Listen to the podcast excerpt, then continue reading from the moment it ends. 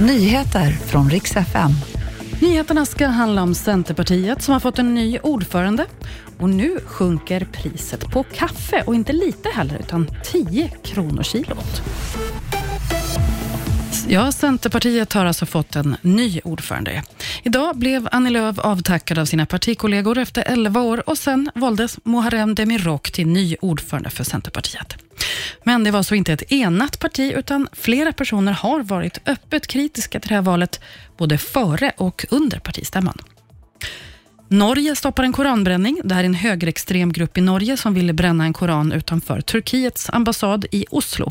Polisen säger nej, även om det är lagligt att bränna koraner i Norge generellt, så bedömer polisen att man inte kan garantera säkerheten, så det blir avslag. Och kaffet, det blir billigare. Vi ska avsluta med den här trevliga nyheten när det gäller matpriset, för kaffet det sjunker rejält. Omkring 10 kronor per kilo enligt Matpriskollen. Och det här kommer gälla för de flesta kaffemärken. I Brasilien, där har man nämligen haft större skördar än vanligt och efterfrågan globalt har minskat. Och det är ju ändå trevligt för oss här i Sverige, för vi dricker ändå nästan mest kaffe i hela världen. Det var nyheterna. Jag heter Maria Granström.